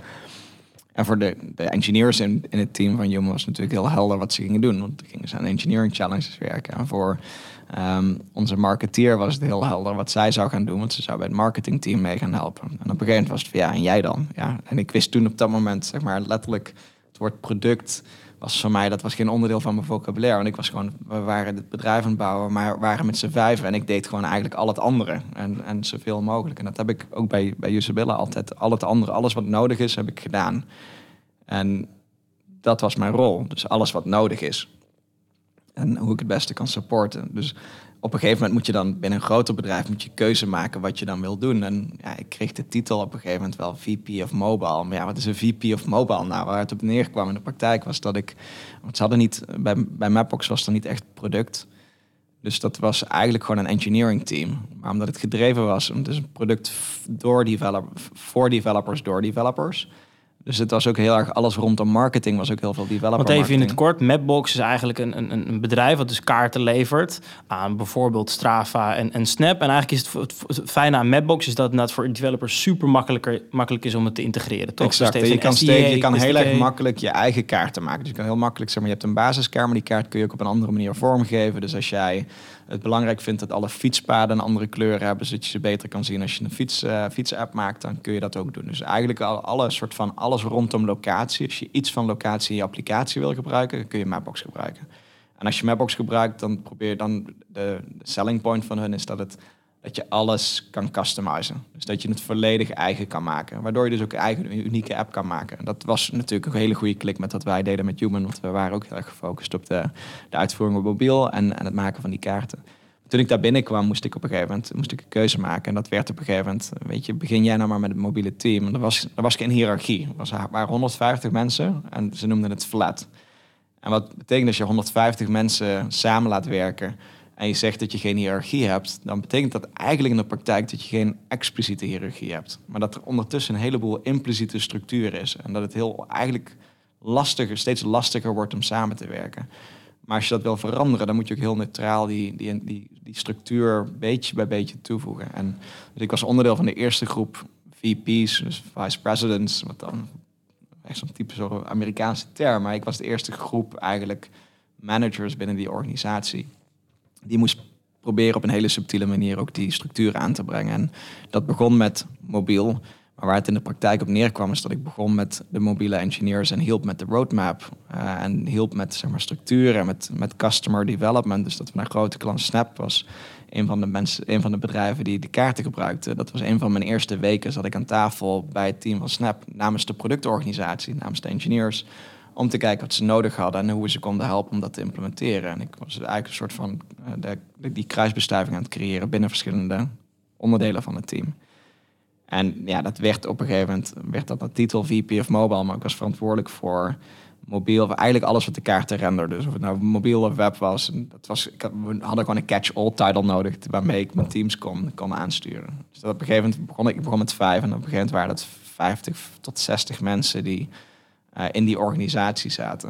En toen was ik op een gegeven moment was ik, bijna klaar om. Ik had, ik had na twee jaar had ik wel zoiets van: oké, nou wil ik weer iets anders doen. Dit is qua cultuur en hoe het bedrijf gebouwd was, sloot gewoon niet helemaal aan bij wat ik, waar ik, hoe ik het zelf zou doen. En dat is dan weer de ondernemer in mij. Maar ik was ook nog niet helemaal klaar om ergens anders heen te gaan. Dat had ook deels met visa te maken. Dus ik, eh, ze waren super supportive. En ze zeiden, ja, wat, wat, wat else? Dus ik vroeg aan hun, hoe kan ik jullie helpen? Zijn er andere projecten waar ik mee kan helpen? En toen waren we al een hele tijd op zoek naar een uh, CMO. Dat was een hele moeilijke rol om te vervullen. Omdat we het niet helemaal eens waren over wat die rol zou moeten zijn.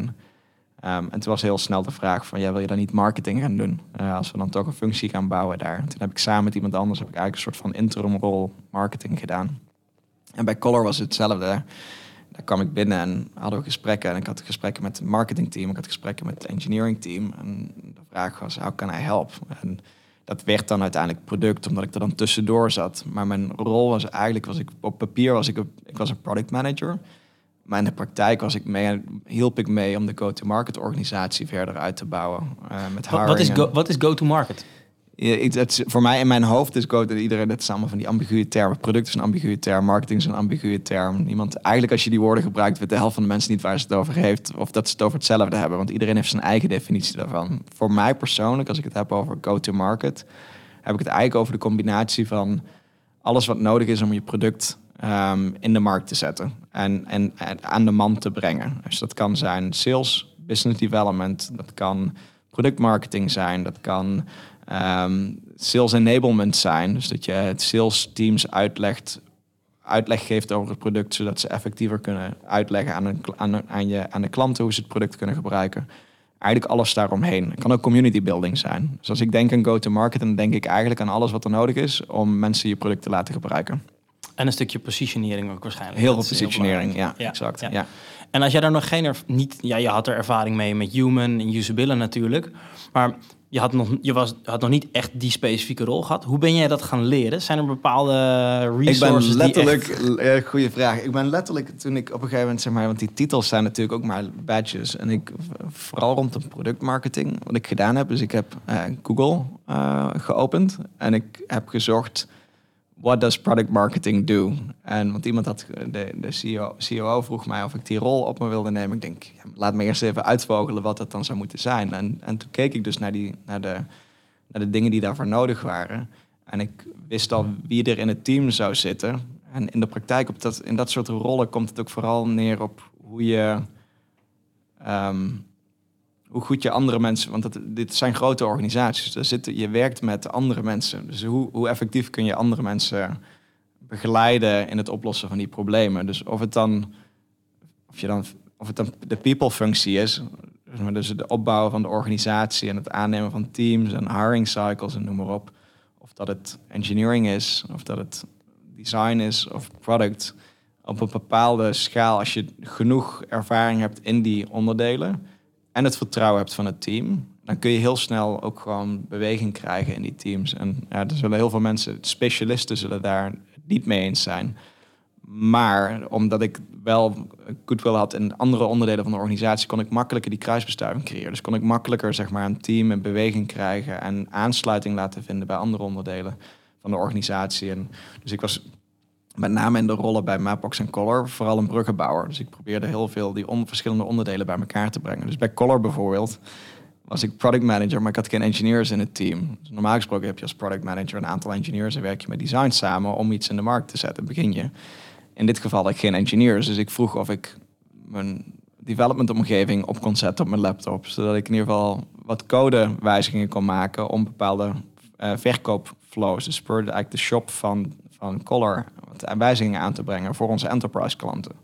En engineers keken me aan en zeiden, wat, wat, waarom heb je dat nodig? Um, uitgelegd dat, dat, er deze, dat er een aantal tickets klaar stonden die, die weggewerkt moesten worden. Dat als ik dan toch geen engineers in het team heb, dan, dan laat mij maar, dan kun jij het reviewen en dan probeer ik, probeer ik te fixen. En dan laat maar weten als het, als het een slecht idee is en dan, dan doen we het niet. Dus ik kreeg toegang en ik kon dus op die manier ook het vertrouwen. Dus er zit nog steeds code van mij in productie uh, bij Color. En dat, dat dus omdat je dus nou, dat slechte middelmatige Swiss Army knife maar in ieder geval goed genoeg om, om, om andermans werk um, om bij te kunnen dragen op een kleine manier. En dan kon ik tegelijkertijd aan de andere kant ging naar, de, naar het sales team en had ik problemen opgelost en kon ik daar het vertrouwen op bouwen. Dus ik denk dat die rollen, enerzijds heb je, heb je specialisten nodig en zijn er heel veel mensen die heel goed zijn. En dat, vooral voor een interim rol was dat natuurlijk uitstekend, want ik kon die problemen, problemen identificeren. Ik werkte met andere hele goede mensen samen. Dus in mijn product marketing bij, bij Mapbox zaten een aantal mensen die gewoon heel goed waren in product marketing. En, maar ze waren niet in staat om dat team te leiden. Dus toen ik die rol op me nam, kon ik met die mensen kon ik ervoor zorgen dat zij hadden wat ze nodig hadden. En bracht ik die coördinatie aan en begonnen dingen beter te lopen.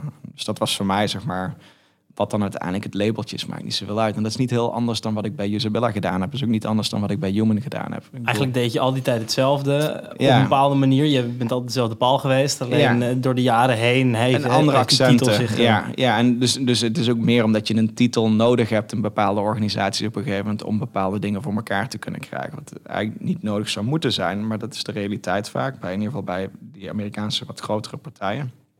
En dus was mijn als je er goed over nadenkt, was mijn rol bij Mapbox, die VP of Mobile rol, wat eigenlijk een soort van product slash engineering rol was, was natuurlijk eigenlijk een soort van step back van wat ik gedaan had in het verleden. Want ik was verantwoordelijk voor alles als, als toen ik mijn eigen bedrijf aan het bouwen was. En dat was weliswaar een team van vijf of tien mensen. Maar qua disciplines moesten we al die onderdelen begrijpen. Ik moest begrijpen hoe we, hoe we go-to-market deden. Ik moest begrijpen hoe we engineering uh, konden organiseren. Dus juist dat je dan een, een generalist bent hielp voor mij in dit geval. Oké, dus eigenlijk een soort van specialisatie. Bij Mapbox was een soort van subspecialisatie. En dat heb ik later weer. Dus het lijkt alsof ik transities gemaakt heb, maar ik was eigenlijk gewoon andere accenten aan aan het brengen. Ja, duidelijk. leuk om te zien hoe je die overgang gemaakt hebt, of dat, dat pad van jou te zien. Ja, je hebt het in het uh, interview al een paar keer gehad over uh, investeren. Um, naast CEO van Detail ben je namelijk ook investeerder bij MP uh, Hard Ventures tegenwoordig. Je hebt ook dingen gedaan met de Operator Exchange wat een soort angel collectief is. Um, waar staat MP Hard Ventures voor? Een MP Hard probleem is een probleem wat um, eigenlijk geen goede uh, oplossing heeft, omdat het te complex is. En dat staat voor de, de bedrijven waarin we investeren. Klinkt een stuk harder dan dat het is. Um, we hebben ook wel eens discussies gehad over de naam, of het dan niet te technisch is. Uh, maar wij in principe investeren in investeren als fonds zijn de dingen waar, die, waar wij zelf de meeste ervaring in hebben. Eh, en dat is heel globaal. Ehm, we geloven dat in de komende tien jaar steeds meer mensen makers zullen worden. En, makers in welke vorm dan ook. Of dat het nou gaat om het maken van een video of ehm, het gebruiken van no-code tools om zelf een webshop te bouwen. Of uh, het automatiseren van een bepaald proces met een bepaalde, bepaald, uh, bepaalde tool. Wij denken dat iedereen steeds meer eigen creativiteit kan, um, eigenlijk kan omzetten in assets en in, in geld en inkomsten. En om dat te bereiken, investeren wij in bedrijven die dat enabelen. Dat zijn drie lagen. De eerste laag is de infrastructuur, platform en zeg maar de platform developer tools. Dus de onderliggende bouwblokken van het internet. Het makkelijker maken om complexe, zoals ik een paar keer genoemd heb, commodities. Uh, om het makkelijk te maken dingen te maken als developer. Uh, de volgende laag zijn dus developer tools die je daaromheen bouwt. En dan krijg je creatieve tools. Dus dingen zoals detail, uh, videotechnologie. Uh, en dat komt allemaal bij elkaar. Dus op het moment dat jij als indie creator of als individu dingen kan gaan maken en daar geld mee gaat verdienen, krijg je ook allerlei andere problemen rondom inkomsten. En het, um, doen van je administratie of het registreren van ownership. Denk aan NFT's. Dus als jij een stukje content gaat verkopen op de een of andere manier en daar geld mee gaat verdienen uh, en daar je business van maakt, uh, wat heb je daarvoor nodig? dat zijn dus die verschillende lagen. Het is wel lekker concreet. Dus je hebt eigenlijk best wel een duidelijk persona waar je alles bij een soort van ja, omheen kan, kan bouwen. Precies, en dat kan nog veel concreter zijn, want dat, is, dat zijn bedrijven pre-seed en seed. Dat betekent over het algemeen, uh, je hebt een eerste idee van een product of een eerste van punt van validatie. Uh, je weet wat je wil gaan, ongeveer wil gaan bouwen. Uh, het liefst een klein beetje tractie, dus dat er in ieder geval een aantal mensen naar gekeken hebben of het geprobeerd hebben. Um, en uh, over het algemeen in Europa en de US, dus een kleine uitstapje naar de US, 80% zal Europa zijn. En meestal met andere investeerders ook samen. Dus we zijn, zijn heel erg trots als we de eerste check kunnen zijn. Omdat dat met name ook, ik bedoel, dat is hoe wij zelf ook gestart zijn. We hadden het geluk dat er andere mensen waren die geloofden in, ons, in onze ideeën. Dat proberen we als angel investeerder of eigenlijk als klein fonds dus ook te doen. Dat wordt uiteindelijk wordt het ongeveer een 10 miljoen euro fonds. Waarbij we ook extern kapitaal aantrekken en, en grotere checks kunnen gaan schrijven. Ja, en, en, en wat jullie eigenlijk al, hè, wat je net al beschrijft, jullie investeren onder andere in de, de picks en shovels of de creator class eigenlijk. Dus de tools die die, die, die creator class nodig hebben om hun, hun werk te kunnen doen. Als er nou mensen luisteren die zoiets hebben, nou, ik wil wel zo'n uh, zo'n zo'n tool bouwen in die space. Wat vind jij, wat ontbreekt er nou echt nog? Een hele moeilijke vraag. Anders had je misschien ook wel, wel Een hele moeilijke vraag, ja. En ik denk, ik denk dat het uiteindelijk, zeg maar, dat hetgeen wat er ontbreekt, kan ik niet pinpointen. Dat is waarom ik investeer in andere, uh, andere ondernemers. Um, en dat is ook waarom ik het leuk vind om te investeren. Omdat dat gewoon een volledig ander perspectief uh, biedt. Een heel simpel voorbeeld is een van de bedrijven waar ik geïnvesteerd heb. Um, doet, maakt inzichtelijk hoe carbon, um, uh, wat de carbon impact is uh, in een, van een webshop. Dus als je een shop runt, kun je voor ieder product in je catalogus eigenlijk doorrekenen wat de impact daarvan is voor een consument. En dat is belangrijk voor een webshop als we met z'n allen zeg maar, een, het beter willen doen op het gebied van, van klimaat. Dus een voorbeeld, ja, ik zou zelf die hele, industrie niet kennen, maar we spraken de ondernemers en we zagen het concept en de eerste klanten. En we denken, ja, dit is, dit is, dit is super. Uiteindelijk waar we op letten is, heb jij een unieke productpropositie gecombineerd met een uniek marktinzicht. Dus waar die twee dingen samenkomen is waar wij de meest interessante investering kunnen doen. Dus als jij, wat weet jij over de markt, die andere, wat andere mensen niet weten? En wat is jouw unieke technologische innovatie? Innovatie is een rotwoord, maar technologische innovatie waarmee jij uh, dat probleem op een andere manier aanvliegt, wat andere mensen niet direct kunnen doen. En ja, dat is voor, voor detail bijvoorbeeld wat ons inzicht is dat er een snel groeiende, zeg maar, rondom, rondom videotechnologie uh, heel veel opportunity zit waar wij in kunnen duwen. Met name rondom live video. Um, ons productinzicht is dat we uiteindelijk alles wat in post-production gebeurt ook naar de camera kunnen halen. En dat de iPhone daar de beste, uh, beste tool voor is. En dat is allemaal niet super gekristalliseerd, maar we hebben in ieder geval nagedacht over waar beginnen we, wat is de wedge in de markt. Uh, en, en hoe kunnen we dat technologisch oplossen? En we hebben ook de skills om dat technologisch op te lossen. Dat soort concepten zoeken we in uh, met name die industrie. En soms doen we uit, uitstapjes in andere industrie en kom je een team tegen of zijn er mensen met wie we samengewerkt hebben in het verleden denken, fuck, als ik hier mee mag doen, dan doe ik heel graag mee. En vaak is het nog heel erg pril en, en beweegt een bedrijf nog allerlei kanten op en weet je nog niet zo goed. Um, en ik persoonlijk, waar ik zelf ook naar kijk, is um, grit. Dus of iemand in staat is niet zozeer om drinking the Kool-Aid 80 uur per week te werken. Want ik denk dat dat, nou, als, je dat, als je daar blij van wordt, moet je dat doen. Maar dat is niet waar ik op focus.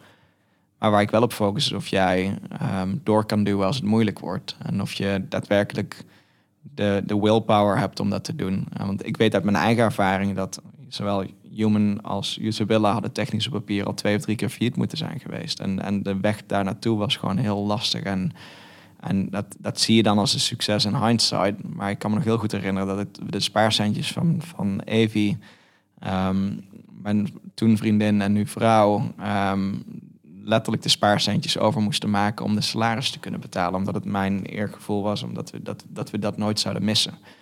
En ja, dat, dat zijn de verhalen die je na afloop niet leest. Op het moment dat je leest dat het overgenomen is voor een enorme som. Nee, startups uh, zijn helemaal hot. Uh, iedereen uh, wil tegenwoordig ja, of, of startups in of, of investeerder worden. Maar het is helemaal niet per se een makkelijk pad. Als je kijkt naar de data, hoeveel startups uiteindelijk omvallen, dat zijn er superveel. Je moet, er, je moet het echt willen. Ja, en ik denk dat het voor mij is, is, is wat ik in Crit zie, is ook meer durf je, daar, durf je de, kun jij de afwegingen maken voor jezelf. Kijk, ik, mijn vrienden grapten altijd dat ik een. En ik zeg niet dat dat nodig is. Dat dat, het is voor mij een heel concreet voorbeeld. Zonder de soort van hasselporn uh, in te gaan. Mijn vrienden grapten dat ik een sfeerspons was. Want ik heb ooit een keer ergens op een borrel gezegd. op een zaterdag of zondagavond. Dat ik naar huis moest om tien uur. Uh, als een van de eerste natuurlijk weer. Uh, want dat was ik altijd. Ik was altijd een van de eerste die naar huis ging. Omdat ik mijn belastingaangiftes nog moest doen. En ja, dat klinkt voor een ondernemer als ja, dat zal waarschijnlijk dan de, ene, de 31ste van het kwartaal zijn geweest. En ja, dan zal hij zijn kwartaalaangiftes uh, gedaan moeten hebben. Ja, dat, dat, dat kan gebeuren, want je wil de boete niet krijgen, toch? Maar voor, voor mijn vrienden op dat moment was, ik het, was dat het ultieme voorbeeld natuurlijk van, van Paul die een sfeerspons is. En wat ik daarmee probeer aan te geven is dat er heel veel momenten waren dat ik dat soort keuzes moest maken. En dat, ik, dat, dat bepaalde zaken gewoon anders gingen dan, dan dat misschien natuurlijk is. En je hebt, ik kan me ook nog herinneren dat de eerste jaren hadden we heel weinig inkomsten uit wat we deden. En dat moet je ook maar net willen. Dat je op één salaris leeft met startersalaris met, met je vriendin. Terwijl mijn vrienden om me heen bij, uh, bij grotere corporates aan de slag gingen en, en een leaseauto kregen en, en het wel goed ging.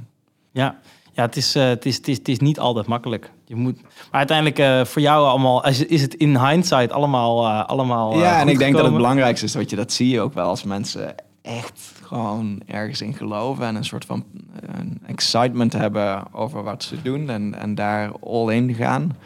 En niet zozeer all-in met ieder wakker uur. Dat, dat gaat vanzelf. Meestal kun je toch al niet stoppen met denken over zoiets. Ehm, maar dat vind ik, dat, daar zoek ik wel naar. Dus wat is de spark? Zijn mensen echt geloven?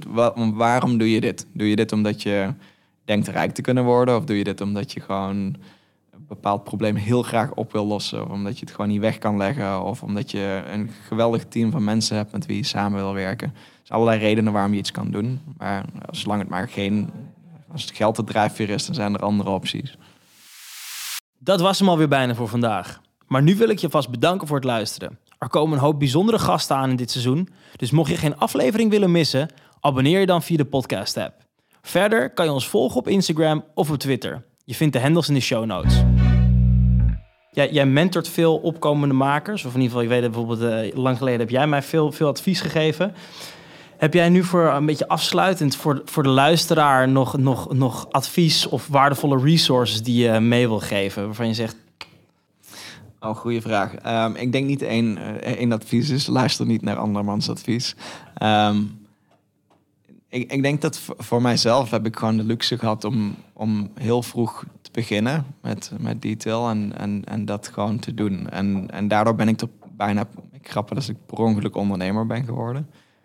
Um, en ik had de support van, van een aantal mensen al heel snel om me heen die geloofden in wat ik deed. En ja, dat is gewoon, eh, daar ben ik nog steeds extreem. Dus die mensen ben ik ook, ben ook heel blij dat dat voor hun ook gewoon een hele mooie uitkomst is geworden. Maar dat, was, dat hadden ze niet hoe we doen toen. En dus ik probeer zelf ook heel erg van. Als ik ieder wakker uur alleen maar met mezelf bezig zou zijn, uh, ja, daar word ik ook niet gelukkig van. Ik vind het veel leuker om, om nu detail te bouwen met een andere groep mensen en die te laten zien, ook echt, echt te betrekken in het bedrijf en te laten groeien en, en dat samen uit te bouwen en er ook van te laten profiteren. En hetzelfde geldt voor de investeringen die ik doe. Die doe ik niet zozeer vanuit financieel oogpunt, ik hoop dat we heel succesvol zijn met investeren. En ik ga er ook vanuit dat als je het ziet, dan moet dat lukken. Maar de echte reden waarom ik het doe is omdat ik me kan herinneren dat ik de hand schudde van de eerste investeerders in, uh, in Usabella destijds.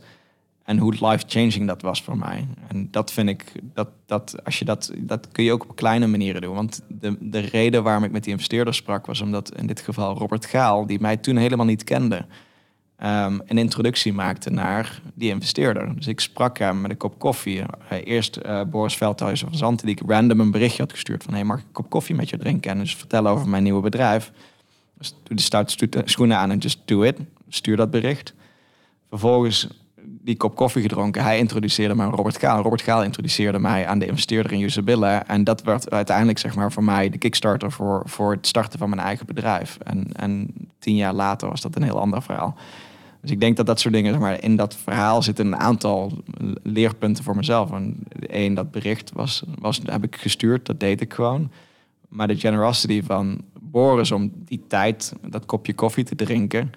Um, en vervolgens de introductie te maken. En Robert, die Pay It Forward destijds ook met zijn eigen bedrijf bezig was, maar wel de tijd nam om met mij een biertje te drinken en die introductie te maken. Ja, dat is een, paar cycles van, van Pay It Forward eigenlijk die je in actie ziet. En die voor mij persoonlijk heel erg um, mijn, eigenlijk mijn leven veranderde of mijn, mijn koers veranderde. Dat kun je ook zelf doen. Dus je kan zelf ook die introducties maken. Je kan zelf ook een actieve rol aannemen om, om anderen op weg te helpen. Want als je dat doet en als je gaat vermenigvuldigen op die manier, krijg je het ook vanzelf terug. En dus ik ben nooit zo bezig geweest met dit is van mij of dit moet ik krijgen. Of nee, als je, als je gaat delen, krijg dat, ik, daar geloof ik echt oprecht recht in. En, kindness compounds. Dus als je nadenkt over zeg maar, compounding interest op een bankrekening, iedere maand wordt het of ieder jaar wordt het een beetje meer ik geloof oprecht dat dat met, met vriendelijkheid en goedheid ook zo werkt. En daar ben ik misschien extreem naïef en daar zal ik vast nog een keer enorm, daar zal vast nog een keer iemand enorm misbruik van maken. Maar mijn gok is dat dan nog steeds door toch te blijven doen, uiteindelijk de compounding effecten daarvan zoveel groter zijn dat het niet meer uitmaakt dat er iemand misbruik van maakt. Ja. Vind ik een heel mooi, uh, heel mooi afsluitend uh, advies. Niet te veel naar anderen luisteren. En niet alleen nemen, maar ook geven. Ja, en ik denk echt vooral geven. Dus eh, je hebt dat is ook een beetje twee categorieën mensen. Sommige mensen heb je al heel snel in de gaten dat ze meer vragen van je dan dat ze geven. En in het begin heb je niet zoveel. Het maakt ook helemaal niet uit. Maar je moet je wel bewust zijn van de vraag die je, die je neerlegt. En een bepaalde soort van uh, vriendelijkheid. En, en dat betekent ook dat als iemand niet daarop ingaat. Dus stel, stel dat je nu naar deze aflevering mij een berichtje stuurt. En ik kom net op het verkeerde moment ja, misschien is, heb ik net, ik bedoel, volgende week ga ik op vakantie, teringzooi in mijn inbox. En, en misschien kom ik dus niet tot dat bericht, ondanks dat ik het wel heel graag zou willen. Um, Eén is probeer het gewoon nog een keer en probeer het bij een paar aantal anderen ook. En, maar ook zoek het niet alleen maar in maar die ene persoon die je per se moet spreken. Er zijn duizenden andere mensen die je ook op weg kunnen helpen. En als je maar blijft delen, dan krijg je vanzelf ook, als je open bent over wat je probeert, dan krijg je vanzelf ook meer terug. Geweldig. De luisteraar moet natuurlijk zeker als ze met video dingen gaan doen, vooral uh, detail uh, bekijken. Ja. Um, heb je nog een ander verzoekje aan de luisteraar als, als afsluiter? Um, ja, ze moeten jouw podcast natuurlijk uh, subscriben. Kijk, en, um, en, en, verder delen. Dus los van deze aflevering. Deze kun je skippen. ja, maar alle volgende afleveringen. Nee, ik vind het superleuk dat je deze, dat je deze opnames doet. En het is eigenlijk een voorbeeld ook dit was mijn, mijn voorbeeld, verzon ik net voordat ik erover nagedacht had, dat jouw vorm van je podcast natuurlijk precies hetzelfde is. En, en één, je doet dat omdat je het zelf leuk vindt om te doen, omdat je een drive hebt. Maar tegelijkertijd, door, dit, door deze afleveringen te maken en mensen te interviewen, ben je eigenlijk precies het aan het doen. En, en dat is compounding. Dus ik vind het super leuk dat je, dat je doet en, en bedankt dat ik er mocht zijn. Thanks Paul, ik vond het uh, ontzettend leuk dit gesprek. Ik heb weer uh, super veel uh, geleerd. En nou ja, dankjewel. Graag gedaan. Je luisterde naar een podcast van Young Creators. De hosting werd gedaan door Rens Schingnagel, Randall van der Linden deed de edit en Tino Zwiers en Stans Gelei ondersteunen de show vanuit Young Creators.